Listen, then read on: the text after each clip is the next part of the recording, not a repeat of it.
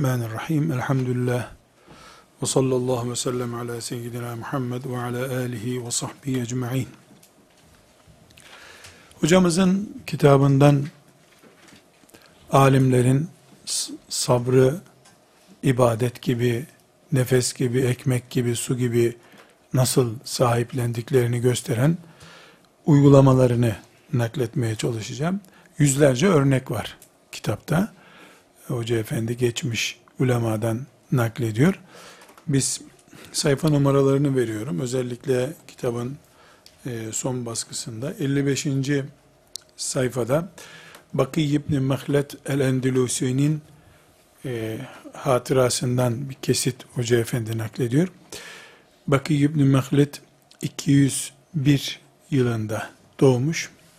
276 yılında da vefat etmiş bizzat yani 75 yaşında vefat etmiş. Bu 75 senenin çok net bir rakam. 20 ee, yılını Ahmet bin Hanbel'den hadis okuyacağım diye geçirmiş.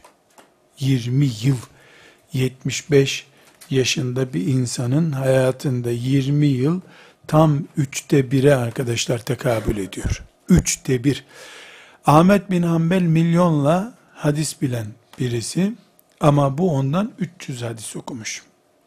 Kendisi hatıratında Ahmet bin Hanbel'le nasıl buluştuğunu anlatıyor. Endelüs'te Ahmet bin Hanbel'in şöhretini duyuyor. Endelüs arkadaşlar ne yazık ki coğrafya bilgisi de vermek zorundayım herhalde. Bugünkü İspanya. Müslümanların e, Avrupa topraklarında kurduğu ilk ve yegane devlet olan Endelüs. De işte Tarık bin Ziyad'la başlayan bir fetih hareketi sonucunda kurulan bir devlettir. Endelüs yüzlerce binlerce alim yetiştirmiş İslam toprağıdır. Daha sonra ne kadar vicdanımız kabul edecek bilmiyorum ama çok net anlaşılsın diye söylüyorum. Bugünkü Suriye'yi biliyorsunuz. Bugünkü Suriye gibi yaklaşık bir yüz yıllık e, iç savaş geçirdi. Sonra şimdiki İspanya oldu. Tekerrür eder mi tarih bilmiyorum. Etmez inşallah. Nasıl şimdi e, Suriye'de herkes birbirini vuruyor, döküyor. Herkes her köye bir devlet kurmaya çalışıyor bir benzeri e, yüz küsür sene kadar Endelüs'te devam etti. Sonunda da Endelüs Müslümanların giyotinden geçirilerek temizlendiği, tek bir Müslümanın da bırakılmadığı bir yer oldu. Hristiyan olmalarına bile izin vermediler. Müslüman, biz Hristiyan olalım diyenleri bile kabul etmeyip giyotinden geçirdiler. Böyle bir yer. O zamanında yani iyi zamanlarında Endelüs'ün işte oradan kalkıp Bağdat'a ders okumaya gelenleri varmış demek ki onların. Yani o zamanı da vardı deyim yerindeyse. Bakı İbn-i Mahlet rahmetullahi aleyh Ahmet bin Hanbel'den ders okumak için Bağdat'a gelmiş. Valla Bağdat'a nasıl geldiğini de bilmiyorum. Yani yüzerek geldi desem Akdeniz'den yani çok uzun. E, yürüyerek geldi desem deniz yolu var. Yani Bağdat'a gelmiş ama Bağdat'a gelmiş Ahmet bin Hanbel'in Bağdat'ta ev hapsine konduğu günlere rastlamış. Yani evinde kalıyor. Ahmet bin Hanbel ders veremiyor yasaklı günlerinde. E, o gelişini hatıra olarak naklediyor. Şimdi Ahmet bin Hanbel'in ders vermesi yasak. Siyasi bir kararla yasak. Bu derse gelmiş. Sonunda şöyle bir hile yapmış. Bir odun buldum diyor. Onu değnek yaptım. E, hırkasını da çıkarıp sarık yapmış. Dilenci rolü vermiş kendisine. Allah için sadaka, Allah için sadaka diye diye Bağdat sokaklarında dolaşıyor. Ahmet bin Hanbel'in kaldığı evin önüne gelmiş. Ahmet bin Hanbel dışarı çıkmış. Allah için sadaka demiş. Ahmet bin Hanbel de bir şey vermek için uzatırken O sadaka hadis ama demiş. Bana hadis öğretmen böyle böyle filan yerden geliyorum demiş. İçeri gel bakayım demiş. Görüşmüşler. İşte çok tehlikeli bir durum. Seni tutuklarlar, götürürler demiş. Ben her gün böyle dilenmeye geleyim. Sen bana her gün bir hadis oku demiş. Bağdat'ta bir ev kiralamış. O evde kalmış. Sabahleyin de gidip dilenci işte Ahmet bin Hanbel'in kapısında sadaka istiyor. Bu şekilde 300 kadar hadis okuyabilmiş. Bakı İbni Mahlet rahmetullahi aleyh. Bu Ahmet bin Hanbel'in vefatıyla beraber de e, geri dönmüş. Bu arkadaşlar kitabımızın 55. sayfasında hocamız e, bunu Siyer-i Alam'ın Nübela'dan nakille anlatıyor. Ana kaynağı Siyer-i Alam'ın Nübela. Orada da 13. ciltte naklediliyor. Her halükarda bu e, hatırayı biz nere koyacağımızı bilemiyorum arkadaşlar. Ee, burada bir film olarak izlemek, tasarımını yapmak çok kolay. Ama bu uygulamayı mesela bir hoca efendinin ders halkasına katılıyorsun, bir iki hadis okutuyor, sonra dilenci kılığına girip çıkmak zorunda kalıyorsun. Ee, sonra geliyorsun, iki hadis daha okuyorsun. Dilenci rolünde oluyorsun, hadis dersi okuyup geri gidiyorsun ve bir mahalleden öbür mahalleye değil, bir kıtanın yani Avrupa kıtasının ucundan Asya kıtasının ortasına geliyorsun. Adil ve vicdanla düşünelim arkadaşlar. Vicdanla düşünelim. Yani bir de şu manzarayı düşünün arkadaşlar. Bakı İbni Mahlet kıyamet günü bu mantıkla yaratılacak. Bunu gördü melekler. Şahit oldular. Yazdılar. Dirilecek kıyamet günü. Bunda bir tereddüt yok. Böyle dirilecek. Dilenci kılığıyla mı dirilir, ne dirilir bilmiyorum artık. Arkadaşlar, haya ederek, meclisinizden e, özür dileyerek, örnek vereceğim. En değerli fıkıh kitabını okuyorsun. O talebeye bursu veriliyor. Barınacağı yeri veriyorsun. Bir maç varsa o akşam talebenin yarısı olmuyor derste. Yağmur yağıyorsa şer'i özür zaten. Yağdı nasıl gelsin? Şeker de eriyecekti yağmurda. Ve kıyamet günü Bakı İbni Mahlet'le bu talebe beraber aynı cennette Havzu Kevser'den hem de sıradan bir su da değil içiyorlar. Ve Allah Bakı İbni Mahled'e de adaletiyle muamele etmiş oluyor. 10 yaşında bir çocuğa böyle bir sahne tasarlasak, bunlar eşit mi desek ne der sizce? Bir miktar vicdanen düşünmek lazım.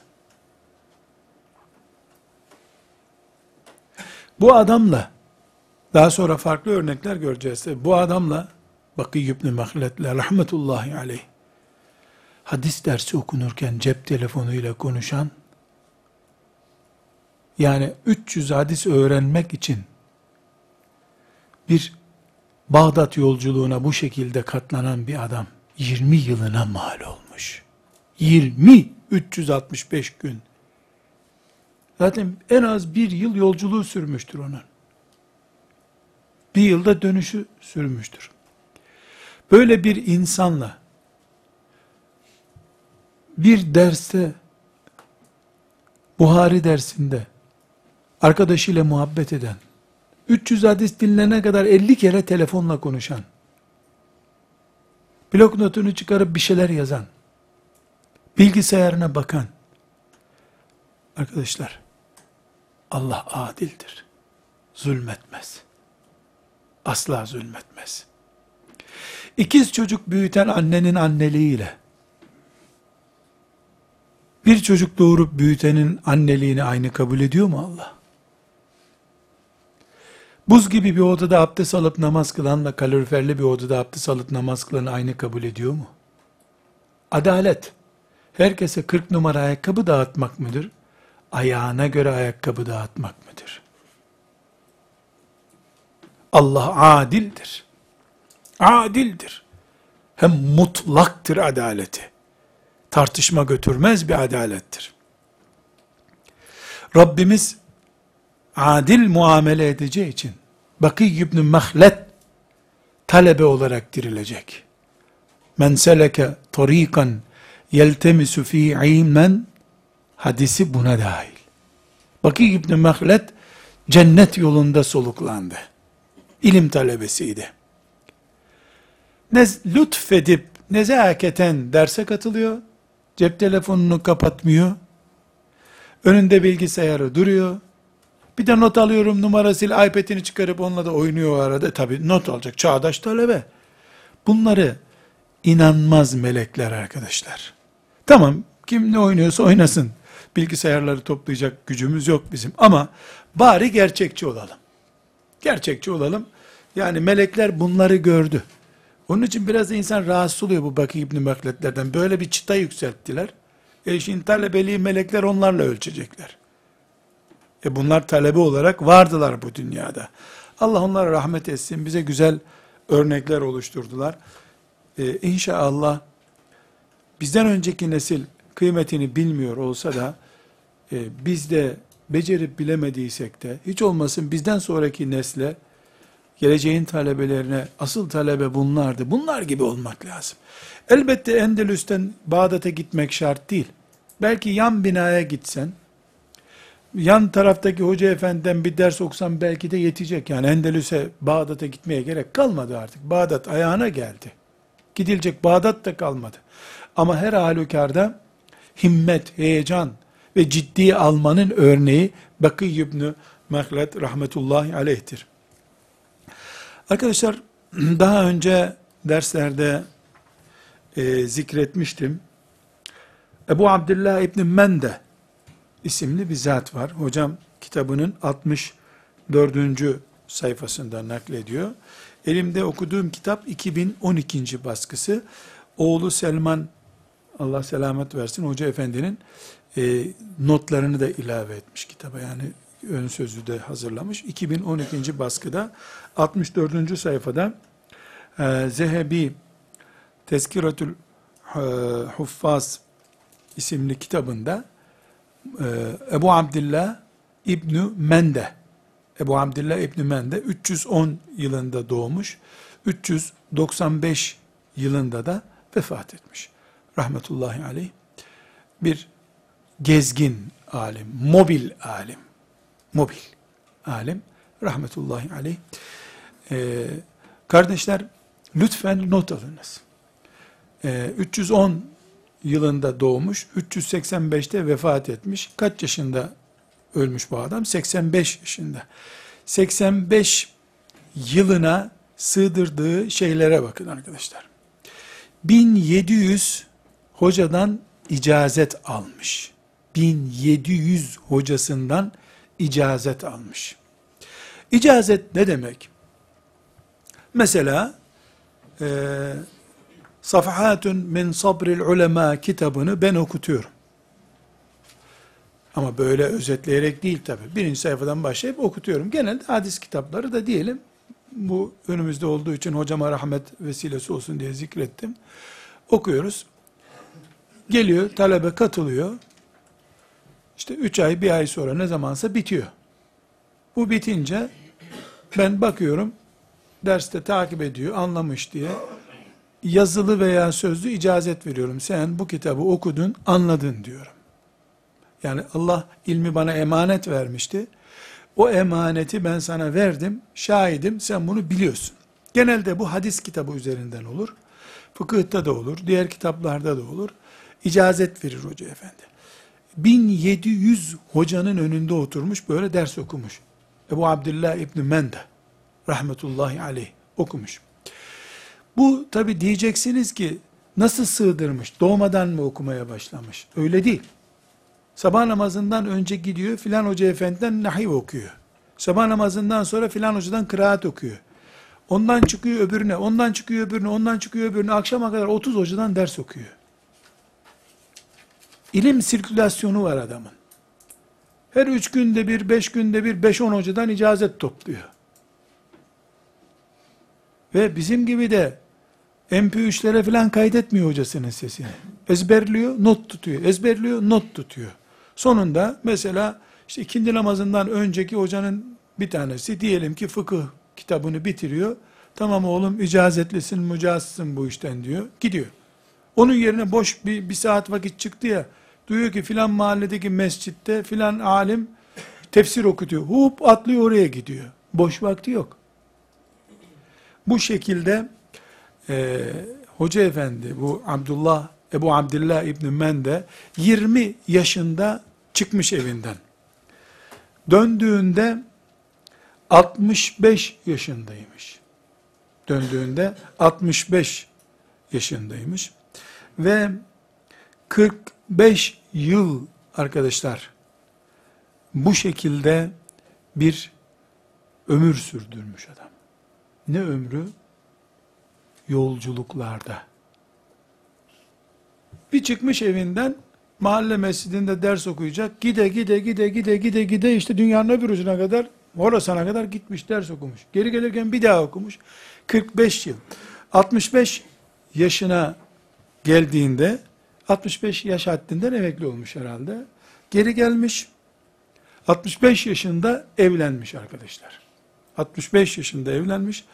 Ondan sonra çocukları olmuş. Onların eğitimiyle meşgul olmuş. Hocam 64. sayfadan itibaren e, hocamızın e, kendi tatlı diliyle e, anlatıyor. Doğu batı o zamanki bilinen doğu batı işte doğu Çin sınırı batı dedikleri de Endülüs. Bu iki yer arasını iki defa tur atmış. Yani Çin'le Endülüs arasında iki kere gitmiş gelmiş. Allah rahmet eylesin. Hiçbir yorum yapmak istemiyorum arkadaşlar. Diyecek söz bulamıyorum çünkü. Yani nesini yorumlayacağım bunun bilemiyorum. Nasıl yorum yapılır onu da bilemiyorum. Ee, dediğim gibi kendi nefsim üzerinde, talebe kardeşlerimin üzerindeki örneklere bakıyorum. Alimallah nesi kıyas edilir bunu? Kulaklarımız aynı kulak ama. Gözler aynı, parmaklarımız aynı. Belki o işte bedenlerimiz benziyor birbirine. Hocam 114. E, sayfada bir ucube insanlığın örneğini görmediği e, Ata İbni Ebi Rabah isimli tabiinden bahsediyor. Ata İbni Ebi Rabah hicretin 27. senesinde doğmuş, 115. senede de vefat etmiş. Rahmetullahi aleyh, tabiinden. Yani ashab-ı kirama talebelik yapmış. Demek ki Osman İbni Affan e, radıyallahu anh zamanında veya Ali bin Ebi Talip zamanında doğmuş. O zamanları çocuk olarak geçirmiş. Bu zat arkadaşlar e, İbn-i Cüreyç isimli bir talebesi bundan naklediyor. 20 yıldan fazla zaman sadece mescit görmüş. Mescit yani mescitten hiç çıkmamış. 20 yıl hatta İbn Cüreyç yatağı mescitti diyor. Mescitte nerede uykusu geliyorsa orada yatıyor. Sabahleyin insanlar gelince kalkıyor. İsmail İbni Umeyye isimli zat e, tarif ederken diyor ki çok konuşmaz. Konuştuğu zaman da öyle konuşurdu ki biz de zannederdik ki herhalde bir melek konuşuyor. Öyle biriydi diyor. İlhamla konuşur gibi konuşurdu. E, Emevi halifeleri bundan ders alır, fetva sorar. E, döneminin en büyük fıkıh alimlerinden birisi. Kur'an müfessirlerinden birisi. Ata dedi ki diye tefsir kitaplarında, İhya-i Ulumuddin gibi mev'ize kitaplarında çok ismi geçer. Ata denen bu Ata İbni Ebi Rabah.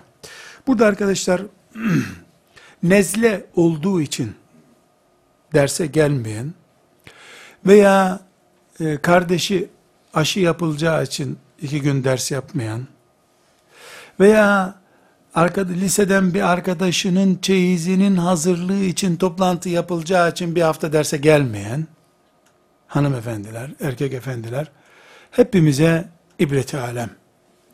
Talebeleri arkadaşlar e, bir film sahnesi gibi atayı tarif ediyorlar. Hocamın derlemelerinden naklediyorum. Kapkara bir adammış. Bir.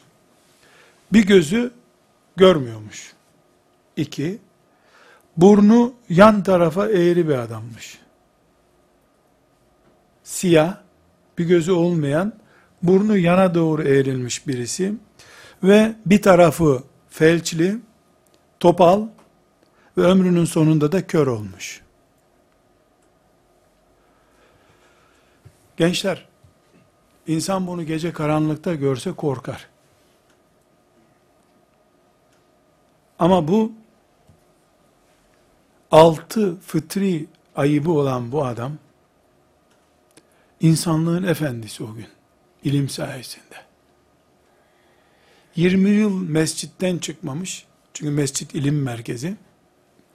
20 yıl sonra kör gözü, felçli vücudu, topal ayağı, eğri burnu, simsiyah derisine rağmen ümmeti Muhammed'in efendisi olmuş. Süleyman bin Abdülmelik, Emevi halifesi, e, hacca gittiğinde e, atayı bulun, yanlış bir iş yapmayalım diye atağının olmadığı yerde hac yapmaya cesaret edememiş. Allah rahmet eylesin. Bu atağının üzerinde, Ata İbni Ebi Rabah üzerinde tekrar sembolik geliyor size. Sembolik değil, ciddi örnek veriyorum ben. Yarın nezle olması ihtimal olduğu için bugün kitaplarını kapatanları ata ile baş başa bırakacağız kıyamet günü. Ya da işte kardeşinin sünnet olmasına karar verilecek. Sünnet falan olsa zaten 6 ay tatil. Kardeşi sünnet olacak. Dolayısıyla otomatik ilmi ara. E, maazallah kız arkadaşlarından birisinin çeyizi dizilecekse e, ders. Ders zaten çeyiz yani çeyiz ders oldu. Varın bizim uyduruk tıbbi raporlarımızı gözünüzün önüne koyun. Atayı da önünüze koyun. Ve Allah'tan kıyamet günü aynı cenneti paylaşmayı isteyelim biz. Sonuçta adil olacak ama. Felçli. Bir tarafı tutmuyor demek ki. Öbür tarafı topal. Bir göz yok. Deri simsiyah. Sonunda iki gözü de kapanmış ve burun yana eğri. Çizgi filmlerde yapsan çocuk izlemez bunu ürkütücü diye.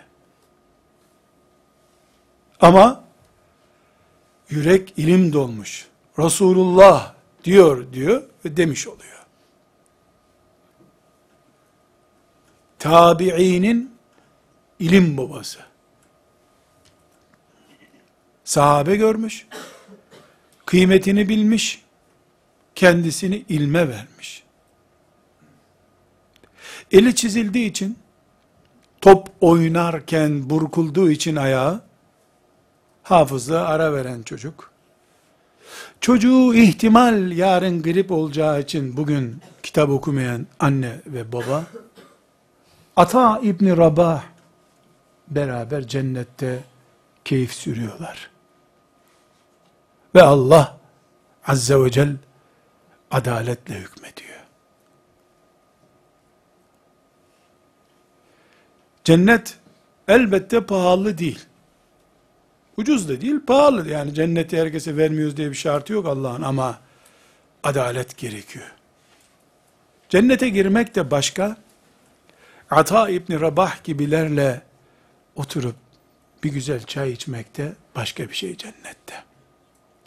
En başta birinci dersteki sözümü tekrar hatırlatıyorum. Biz de hemen yüzümüzü siyaha boyatıp, bir gözümüzü köreltip, ataya benzeyip burnumuzda estetik yaptırıp, ama sola kıvırmamak, sağa kıvırmak lazım burnu. Atağınınki sağdır herhalde. Böyle bir tak, taklit yapacak halimiz yok. Kör taklit demiyoruz.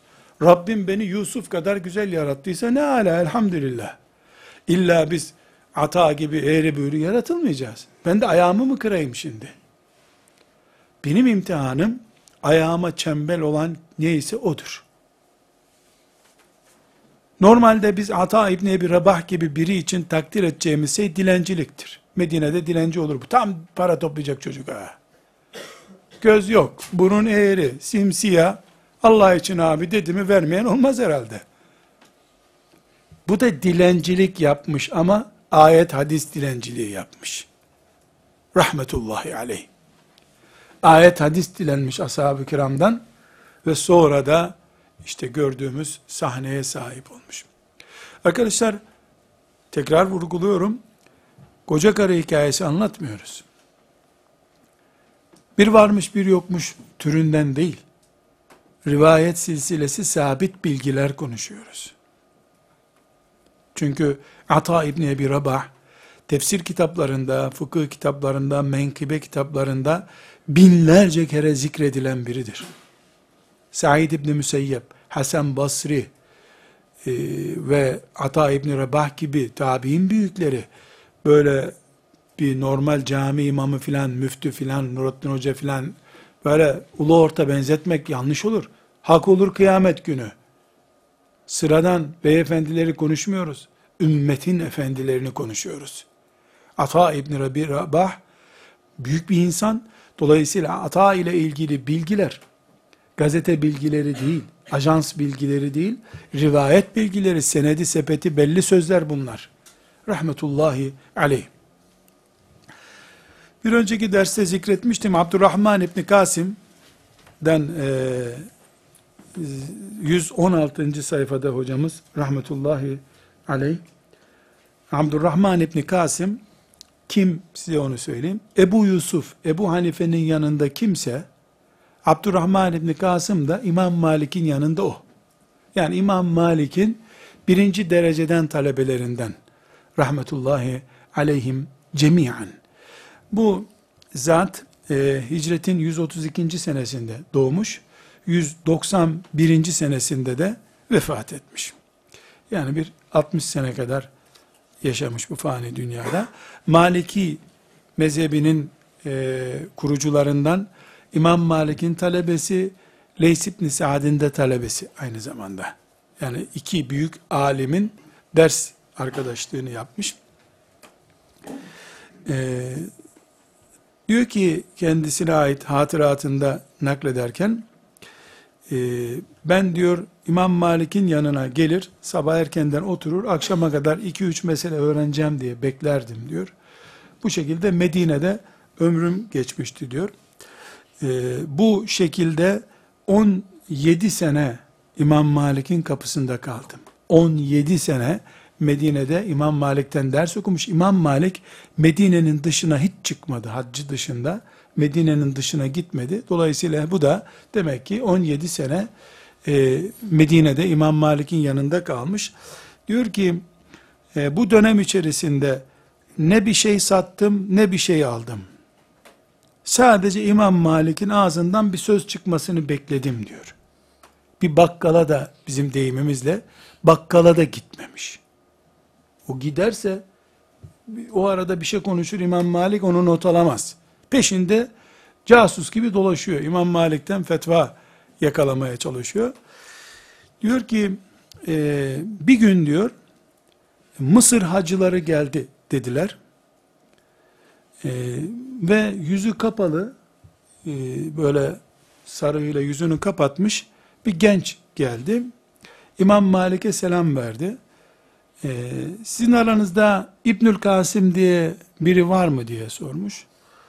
Onlar da bu İbnül Kasım demişler. E, o da kalkmış İbnül Kasım'ın yanına gelmiş genç. E, gözlerinden öpmüş bunun. Bunun üzerine e, O benim gözümden öpünce burnuma hoş bir koku geldi diyor. Ee, bir dikkatli baktım. Ee, o da bana dikkatli baktı. Babacığım diye sarıldı diyor. Meğer ki e, diyor ki ben diyor hanımım İmam Malik için yola çıktığımı ilan ettiğimde hanımım hamileydi diyor. E, amcamın da kızıydı. E, dedim ki ona ben gidiyorum dönüşüm olmaz serbestsin. Kendi talakını kendi eline veriyorum. Yani istiyorsan ayrıl benden, istiyorsan kal diye serbest bırakmış. Sanki bir paket bırakmış Mısır'da öyle bırakmış gibi Mısır'a hanımını bırakıp tekrar e, Medine Medine'ye gitmiş. İmam Malik'te buluşmuş. İşte 17 sene sonra oğlu karşısına hacı olarak çıkmış. Bunun adına sabır mı dersiniz? Çile mi dersiniz? Ama bir gerçekle karşı karşıyayız. Gerçekle karşı karşıya. Şimdi arkadaşlar çok benzetme yapmak istemiyorum. Sonra bana diyorlar ki ya senin yanında konuşuyoruz ama nerede teşhir edeceğin belli olmuyor bizi. Sana da bir şey söylenmez diyorlar. Hatta bir arkadaş çok ağır bir söz söyledi. Ya dedi kadınlar gibi dedikodu yayıyorsun dedi. Dedim etme ben isim vererek yaymıyorum dedim. E, yok dedi çok fena dedikodu yayıyorsun seninle konuşulmaz dedi. Ben öyle olmadığını düşünüyorum. Ta'mim ederek konuşuyorum. Yani filancanın sözüdür bu filancanın hanımıdır demiyorum. Genellemeler yapıyorum. Şimdi mesela vereceğim örneği anlatmama gerek yok ki. E bu salonda 10 dakika e, telefonu serbest bırakayım dediğim bak ortaya çıkacak. Ders başlayacaksın. İşte nereden kalkmış gitmişsin. Ders başlayacaksın. Hoca derse başlıyor. Ben ararım sonra. Bu, mi görevli ne bu? Bilgi veriyor hanımına. O arada işte beş dakika bir mola veriliyor. Henüz ders bitmedi ben sonra dönerim sana. Selam. Zannedersin ki kadın hastanede doğum yapacak da bundan istatistik bir rapor bekliyor. Ders bitti ama hocayla otururuz biraz sonra ben geleceğim tamam Kardeşim bu adam da hanımını hamile bırakmış. İstersen gidersin babanın evine demiş. Selamun aleyküm gitmiş gidiş o gidiş. Biri İmam Malik'in İbnül Kasım'ı olmuş. Bir numaralı talebesi. Öbürü de işte hadis dersi dinlemiş. Dostlar alışverişte görsün. Ben burada kardeşlerim, şimdi böyle yakalanan bir sürü insan var. Onlar beni dinlerken, gene bak bizi teşhir etti hoca demesinler. Üstüne almasın madem yanlış söylüyorum. Ne ilgisi var seninle bu sözümün? Allah Allah. Ne ilgisi var ki? Şimdi başlayacak hocanın dersi tamam Bir de benim yanımda birisi diyor ki Nurattin Hoca titiz biliyorsun 59 dakika yok say beni. Mübarek 10 dakikada bir sanki hanımına bilgi veriyor. Çocuğuna bilgi veriyor. İlim bu kadar kolay olsaydı bu İbnül Kasım'ı niye Allah süründürdü ki Medine'de 17 sene? Tekrar ben cennetin adaletine takıldım bu sefer. Adalete takıldım. Yani İbnül Kasım bir kadını Mısır gibi bir yerde yalnız bırakmanın ne demek olduğunu bilmiyor muydu? Veya kardeşler şunu soruşturabiliriz. İbnül Kasım'ın da cep telefonu olsaydı aramaz mıydı hanımını sizce? Bunun cevabı A, B şıkkılıdır. Eğer arasaydı İbnül Kasım olmazdı o. İbnül Kasım ise aramazdı. Çünkü şimdi de İbn Kasımlar var aramıyorlar. Hakkın hukukun sabit mi senin? Sabit. Akşam eve geleceğim mi? Ben geleceğim. Ders arası seni niye arayayım ki ya? Zindan görüşmesi mi yapıyoruz saat başı? Bu afetin bir boyutu da nerede biliyor musunuz? Hindistan'da, Arakan'da, şu Bengal'de işte şurada burada Müslümanı yakalayıp kesiyorlar. Öyle bir yere gezmeye gidiyor insanlar. Veyahut da işte bir vakfın sadakasını dağıtmaya gidiyorlar. 20 gün Arakan'da Müslümanın kesildiği yere gidiyor. Afrika'da beyaz insanların kesildiği yere gidiyor. Kimseyle helalleştiğini görmüyorum ben. Hacca gidiyor 10 günlüğüne helallikler, veda törenleri mübarek sanki ölmeye gidiyor.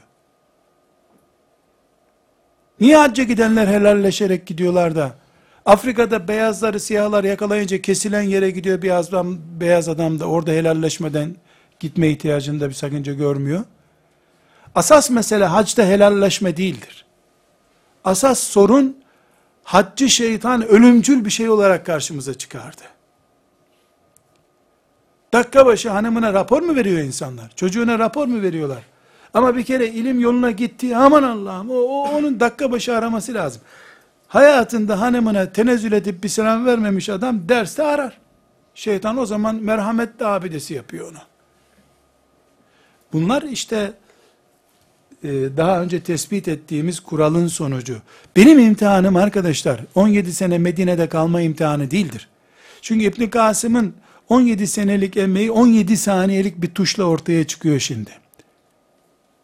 Müdevveneyi e, İmam Malik'in İbn Kasım'ı okuttuğu ders diyelim, müdevvene, koca bir fıkıh kitabıdır, ciltler dolusu.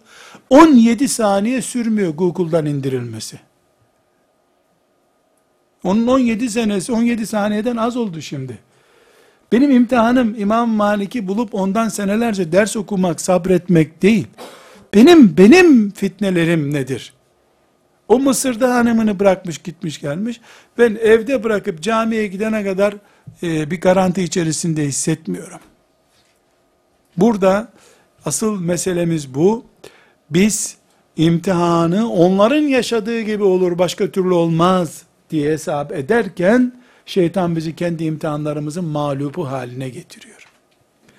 Bu sebeple alimlerin sabrını öğreneceğiz. Formülü öğrenmek için. Benim sabrım onlarınkiyle aynı değil.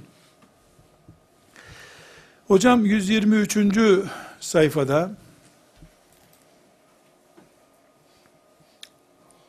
Muhammed İbn Sehrun el-Kayrovani isimli bir zat var. 202 yılında doğmuş, 256 yılında e, vefat etmiş. Yani 54 sene yaşamış. Bu bir hatırasını naklediyor hanımı. Arkadaşlar e, ders çalışırken çerez atıştırma var ya böyle fıstık pıt pıt pıt pıt böyle fare gibi tık tık tık tık tık tık talebe tesbih diyorlar herhalde onun için böyle bir şeyler atıştırma. Bu e, Kayrovani'de de böyle bir hastalık varmış ama nasıl? Hanımı diyor ki bir gün diyor gene kitabının başına oturdu diyor. Başka bir alimden hocam nakil yapıyor. Ayrıntısına girmeden önce onu anlatayım. Bir kadın işte Hanbeli alimlerinden birisinin hanımı evleniyorlar. Ee, kadın bir gün, iki gün, bir hafta, öbür hafta, bir sene, öbür sene bir gün babası gelmiş, kızım nasılsın demiş. Kocandan memnun musun demiş. Aha kocam demiş. Kocası evde yok. Kitaplarını gösteriyor kocası. Bunlar benim kocam diyor. Üç tane daha kumam olsaydı da bu kitaplar bu evde olmasaydı demiş. Yani kuma nedir siz erkekler olarak bilmezsiniz tabi. Adam evlenmiş ama kadın zavallı orada bekliyor. Bu kitaplarıyla meşgul. Bu Gayrovani akşam eve gelmiş. Açım demiş. Hanımı yemek hazırladım diyor e, yemeğini getirmiş. Şimdi meşgulüm bu, bu sayfayı bitireyim sonra demiş. Kadın da ha yiyecek ha yiyecek bakmış olacak gibi değil. O ders çalışırken ağzına lokma koymuş. Arkadaşlar hikaye anlatmıyorum. Örümcek filmi değil bu. Kadın kaynağını tespit edin. Tertibül Medarik Kadı İyad'ın Tertibül Medarik'inde zikrediyor bunu. Hikaye değil. Şifa'nın yazarı Kadı İyad naklediyor. Ee, kadın o kitap okurken yedirmiş bunu. Bebek gibi. Sonra sabah namazına yakın elhamdülillah adam kitap bitti demiş. Hanım demiş soğumuştur ama sen getir benim yemeğimi demiş. Allahu Ekber. Arkadaşlar ilim bu. Hocam diyor ki bize hocalarımız derdi diyor biz de yani o da naklediyor. Acıktığını anlamadıkça ilimden doyamaz bir talebe. Acıkacak. Başı ağrıyacak. Ya bu baş ağrım niyedir diye anlamayacak bile onu.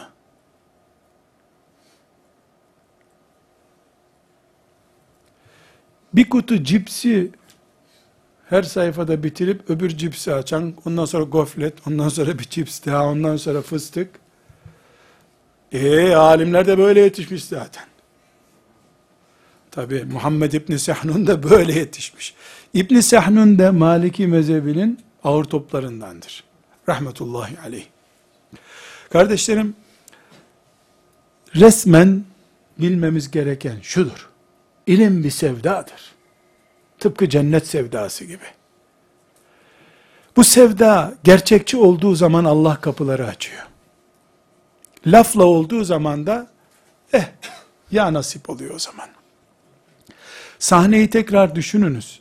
Hanımı sabaha kadar becerip lokma sokmuş ağzına. Adamın ağzından haberi yok. Gözü kitapla meşgul olduğu için. Demek ki adamın ağzından zehir sokulsa öldürülse anlamayacak. Niye? Kafa kitapta çünkü. Kafa derste. Rahmetullahi aleyhim. 200. sayfasında hocamın güzel bir notu var. Onu da zikredeceğim. Bu da ayrı bir konu tabi.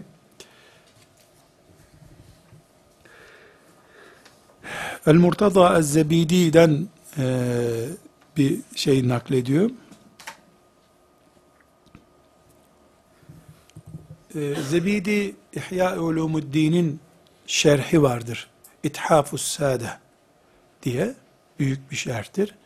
Onun yazarlarından hakikaten yani iyi bir alim rahmetullahi aleyhi ve ala cemii ulemaina talebelerine hocam bunu dipnotta zikrediyor. Talebelerine anladınız mı bu dersi demiş bir gün.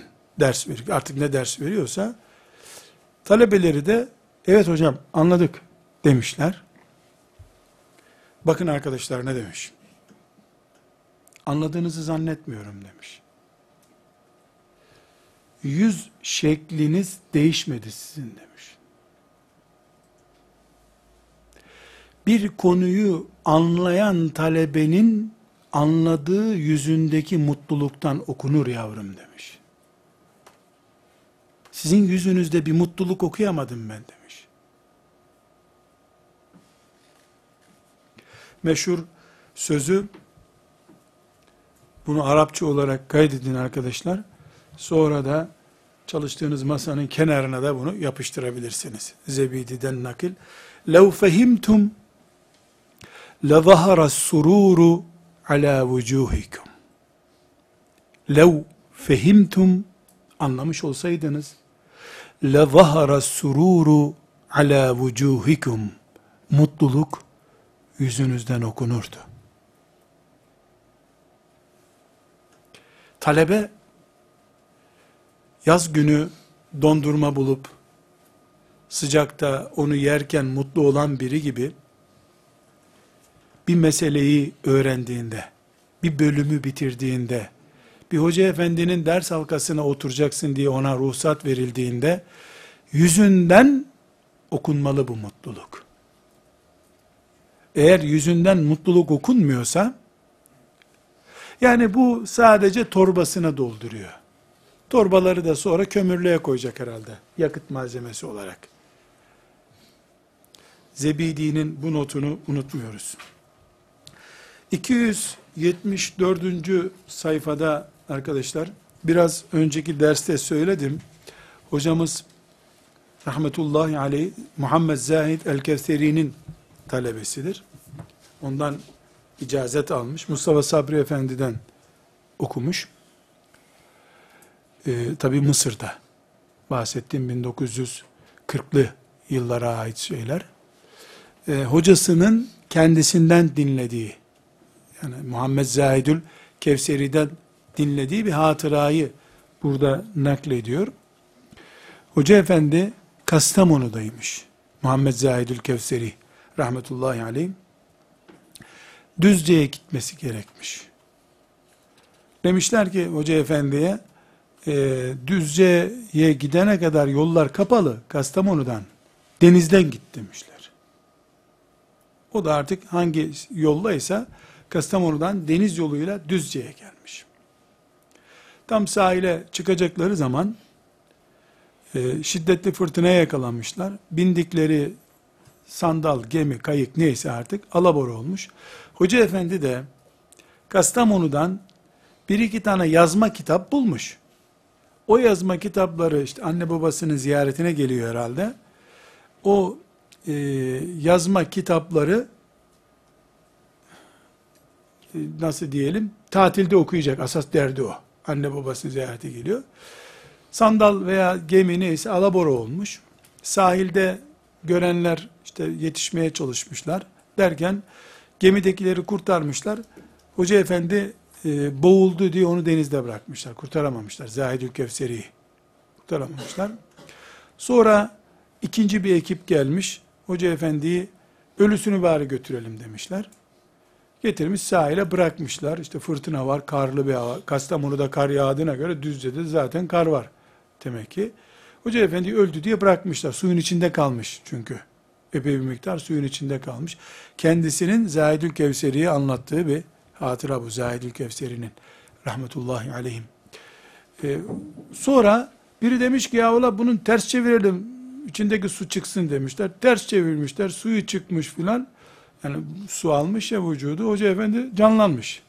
Canlandı diye işte götürmüşler bir sobanın kenarına koymuşlar vesaire. Hoca efendi ye ya kadere bak demişler. Ee, hoca herkes sonra tanımışlar bunu tabi. Ee, hoca efendi herkes e, gemiden ıslanmadan kurtuldu.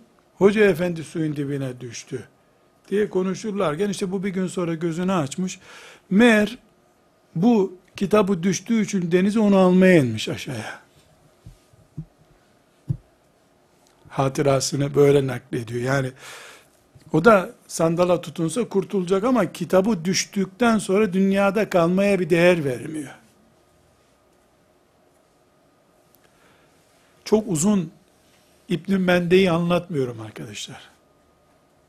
Ebu Abdullah İbn Mende değil. Bu bahsettiğimiz, bildiğimiz 1930'ları yaşamış bir Osmanlı alim, hoca efendi, alim bir insandan söz ediyoruz. Rahmetullahi aleyhim cemiyen. Bir kitabı denize düşüyor, onu işte fırtına, herkes boğulduk ya Allah diye kelime-i tevhid getiriyor. Bu denizin dibine iniyor, kitabını arıyor. Dalgıç değil, bir şey değil. Kardeşler çok net bir cümle söyleyebiliriz. Allah herkese istediğini veriyor. Hiç lamı cimi yok bu işin. Gerçek istediğin neyse onu veriyor. Hepimiz Bukhari olmak isteriz de. De. Lafla değil. Fiilen senin pratiğin ne olmayı istediğini ispat ettiyse meleklere Allah onu veriyor. Zahidül Kevseri bunu istedi. Allah verdi. Burada arkadaşlar Hoca efendi dedim ya 8 e, konuda alimlerin ilim yolundaki meşakkatlerini örneklendirmişti. Bunlardan bir tanesi de tebettül yapmalarıdır dedik. Tebettül ne ediyorduk? Evlenmemeye, kadınsa koca almamaya, erkekse kadın almamaya kararlı yaşamalarına. Burada Hoca Efendi kitabımızın 284. sayfasından itibaren e, bayağı bir bölüm sayfalarca e, neden evlenmeme kararı verdiler. Halbuki evliliğin mühim bir sünnet olduğunu herkesten iyi onlar biliyorlardı. Diyor. Hoca Efendi'nin bir dipnot olarak bunu da bir kenara yazalım. El ulemâ'ul uzzab Bekar Alimler isimli bir kitabı vardır. Ee, bekar olarak yaşamış ve ümmeti Muhammed'in kitaplarını okuduğu, fikirlerinden istifade ettiği e, epey bir alemi anlatıyor. Orada işte İbn Teymiye'den, Nevevi'den, Said Nursi'den örnekler veriyor. Baya büyük bildiğimiz isimler, bekar alimler çünkü azımsanamayacak kadar da az. Mesela Taberi, meşhur tefsirin sahibi bekar olarak gitti ahirete. Evlilikle ilgili onlarca hadisi de Bakara suresindeki, Nisa suresindeki evlilikle ilgili, kadınlarla ilgili ayetlerin tefsirini de o yapıp gitti. Burada Hoca Efendi e, çok önemli bir soruyu kendisi sorup cevap veriyor. Diyor ki, e, evlenmenin çok önemli bir sünnet olduğunu e, bildikleri halde bu insanlar neden evlenme ihtiyacı hissetmediler diyor. Hoca Efendi'nin e, verdiği cevaplar var. Hem El Ulema'ul Uzzab'da giriş bölümünde o kitapta çok tatlı bir kitap. E, çok büyük bir kitap değil yani böyle bir iki saatte okunabilecek bir kitap. Ama tahkiki, dipnotları falan çok değerlidir. E, hem o kitapta geniş anlatıyor. Burada da ondan özet vermiş. Oradan nakletmiş buraya. Fakat burada arkadaşlar e, şöyle bir tespiti yapmamızda fayda var. Evlenmek fıtri bir ihtiyaçtır. Dini bir ihtiyaç değildir. Fıtridir. Şeriatımızın fıtri ihtiyaçlarla ilgili yani insan doğası itibariyle ihtiyaç duyduğu şeylerle ilgili hükümleri neyse evlilik içinde hüküm odur. Ee, mesela yemek de fıtri bir ihtiyaçtır. Yemek yemek farz mıdır? Ne farzı kardeşim ya? Ee, nedir? Mubahtır. Acıktım, gözüm kararmaya başladı, yemek yemek sünnet oldu. Yerimden kalkamıyorum, vacip oldu. Namaz kılamayacak hale geldim, yemek yemek farz oldu. Evlilik de böyle. Evliliğin mübarek oluşu, kutsal oluşu, Efendimiz sallallahu aleyhi ve sellemin evlenin, evliliğinizle ben iftihar edeceğim şeklindeki nasihati vesaire, bütün bunlar toplandığında elbette evlenmek ümmeti Muhammed için sıradan bir iş olarak görülemez. Büyük bir iş. Ümmeti Muhammed'in büyük bir işi evlilik ve birinci, birinci dereceden bir iş. Fakat bu evlilik arkadaşlar haçtan da kıymetli değil. Evlilik olsa olsa yani farz olur. Hac erkan-ı İslam'dandır. Ama kaçta bir Müslümanlar hac yapıyorlar ki? Müslümanların kaçta kaçı hac yapıyor? Yani Müslümanlar hac yapan ve yapmayan diye ayrılıyorlar mı? Müslüman farz olduysa kendisine hac yapıyor.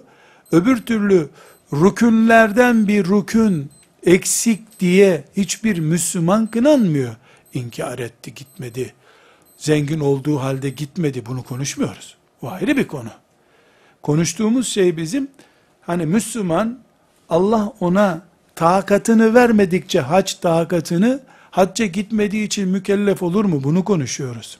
Evlilik olsa olsa olsa yükselse yükselse hac kadar yükselir. E hac da şartları yerine gelen içindir.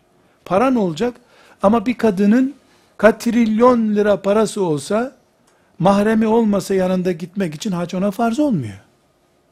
Yani demek ki bir ibadetin yoğun teşvik ediliyor olması ki haccın yoğunluğu evlenmenin teşvik yoğunluğunun milyonca katındadır. Ama şartları yerine oturmayınca kimse kimseden hac istemiyor. Evlilik de fıtridir. Dini değildir. Dinin temellerinden değildir. Dinin yönlendirdiği, şekillendirdiği fıtri ihtiyaçlardandır. İhtiyaç değilse birisi için evlenmemek haram değil, günah değildir. Taberi rahmetullahi aleyh belki de evlenseydi, Nevevi belki de evlenseydi, İbn Teymiye belki de evlenseydi, bugünkü isimlerin sahibi olmayabilirlerdi. Olmazlardı besbelli bir şey. Ama Allah'ın dininde bir eksiklik mi olurdu? Yok canım. Allah'ın nevevisi mi yok? Taberisi mi yok? Allah için zor mu? Hiçbir şey zor değil Allah için. Ama her halükarda şunu bilmemiz gerekiyor. Ee, bekar alimler sünnetin örneği değildirler. Sünnetin örneği Resulullah sallallahu aleyhi ve sellem ve ashabıdır. Alimler sünneti yansıtan aynalardırlar. Bombe ayna olduğu için Nevevi sünnetin o bölümünü yansıtamamıştır. Onu görmüyordur. Kör bölümünde kalmıştır. Taberi o bölümü yansıtamayacak açı, açısı ters bir yerde duruyordu belki. Ne onun alimliğine zarar bu ne de bizim ondan istifademize zarar veya onu bekarlığın örneği olarak almak zarar. Yani Nevevi evlenmedi, Taberi evlenmedi diye bekar kalmayı tercih edemeyiz. Çünkü bekar kalmak fıtridir. Fıtri bir ihtiyacı olmayanın evlenmesi farz değildir. Ama ihtiyaç bastırdığı halde, fıtri bir ihtiyaç bastırdığı halde, evlenmeyip de harama düşen biri yandı kıyamet günü. Tıpkı hac için parası var, fırsatı var, sağlığı var, gitmedi. Onun yandığı gibi. Ama onun dışında hacca gitmeyenler girmesin cenneti diye bir şey yok.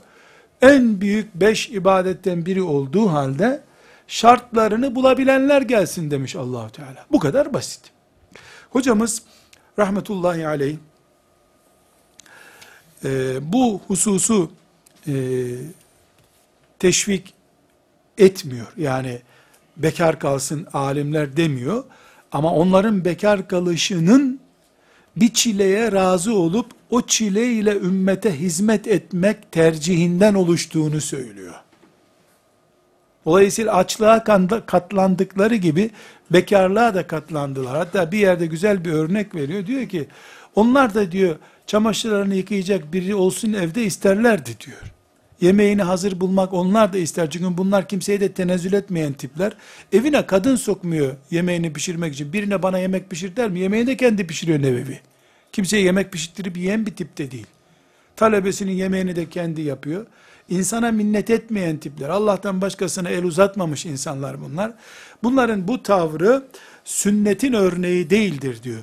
Kendilerinin o sünnetle ilişkilerinin örneğidir diyor. Dolayısıyla bunlardan hiçbiri evlilik önemli değildir dememiştir. Niye evlenmiyorsun diye onları da kimse sormamıştır büyük ihtimalle. Nedenini ben biliyorum çünkü. Aman evlenir üç gün ders yapamayız o arada diye ötteli patlamıştır talebelerinin.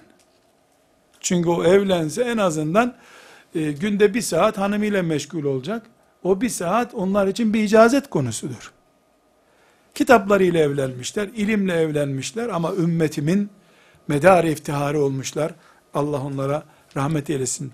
Hocamın e, El Ulema Ul Uzzab kitabında saydığı isimlerin her biri bu ümmetin bir numaralı adamı. Yani bekarlılıklarına değmiş, tebettüllerine değmiş. Rahmetullahi aleyhim cemiyan. Hocamın birinci tespiti, e, nikahla ilgili hükümleri çok iyi bilen insanlar, üstelik evlilik ahkamı ile ilgili kitapları olan adamlardı bunlar diyor. İkincisi, hocamın e, kitabında e, tespiti, hiç kimseye bekarlığı teşvik etmemişlerdir. Bekarlığı teşvik etmemişlerdir. Bekarlığı teşvik etmediklerine göre, böyle bir tavsiyeleri olmadığına göre, kendilerine mahsus bir uygulamadır bu diyor. Üçüncüsü de e, bir kadının veya bir erkeğin yani erkek açısından baktığımızda kadın, kadın açısından baktığımızda erkeği örnek vereceğiz. Evlilikle birbirlerine payanda olmaları söz konusudur. Yani bir kadın kocasının desteği olur, ruhu olur onun. Maneviyatını takviye eder, moralini düzeltir. Veya e, bir erkek bir kadının kocası olduğu zaman onun payandası olur, desteği olur eksiklerini tamamlarlar. Bir adam kitaplarından bu mutluluğu alıyorsa evliliğe ihtiyacı yoktur ki diyor. Kitaplarıyla evlenmişler. Kadın için de geçerli, bu erkek için de geçerli. Çünkü kadına muhtaç olmak bir ihtiyaçtan kaynaklanıyor. Yalnız kalmamak, dertlerini paylaşmak, e, sevmek, sevilmek, bundan mutlu olmak. Adam kitaplarını görünce öpüp okşuyor. Kitabına da bir öp beni, bir öpücük ver bakayım diyor. Kitabı yanağına götürüyorsa ne yapacak ki başkasına? Arkadaşlar, e, başta ben abiniz olmak üzere anlayamayacağımız şeyleri konuştuğumuzu fark ediyorum. Bize göre kitap adamı öper mi? Yalar bile. Bizde olmuyor. Biz resimli kitap okuyabiliyoruz. Kalın harfli kitap okuyoruz. Ama onlar kitaplarını görünce kadın ne demiş? Üç kumam olsa da bu adamın kitapları olmasaydı demiş. Yani bir kuma değil, üç kuma daha istiyor. Yeter ki bu adam kitaplardan var. O adam demek ki e, kitabından dünyanın en büyük mutluluğunu alıyor. Onlar o mutluluğu hissetmeseler biz bugün kâle Resulullah nasıl diyecektik? Sallallahu aleyhi ve sellem. Bir başka yorumu var e, Hoca Efendi'nin. Diyor ki e, Hoca Efendiler, bu alimler e, bir iştihat yaparak bekar kalmakla elde edecekleri sevabın daha fazla olduğuna inanıyorlardı herhalde diyor. Çünkü evlilikle bir sevap olacak. Talebe yetiştirecek mesela e, çocuk yetiştirecek.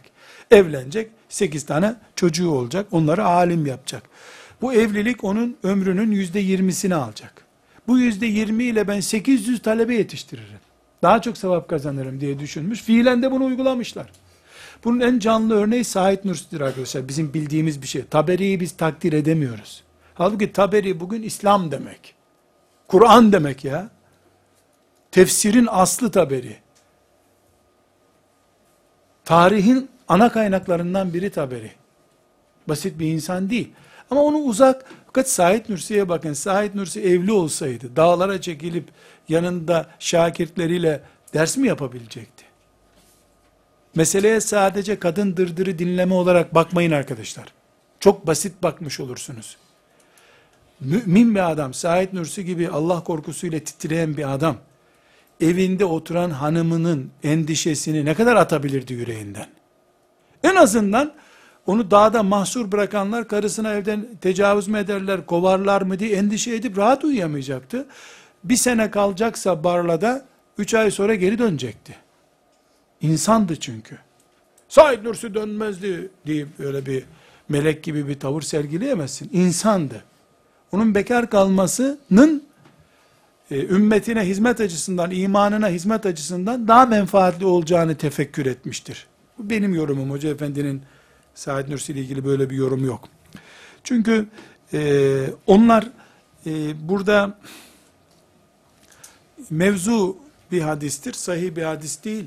E, şeyde hadis kitaplarında da'al ilmu fi efkhazin nisa diye bir cümle vardır.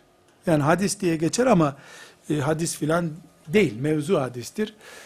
Da'al ilmu da'a yadi'u diya'an. Zay oldu gitti. Fi efkhazin nisa.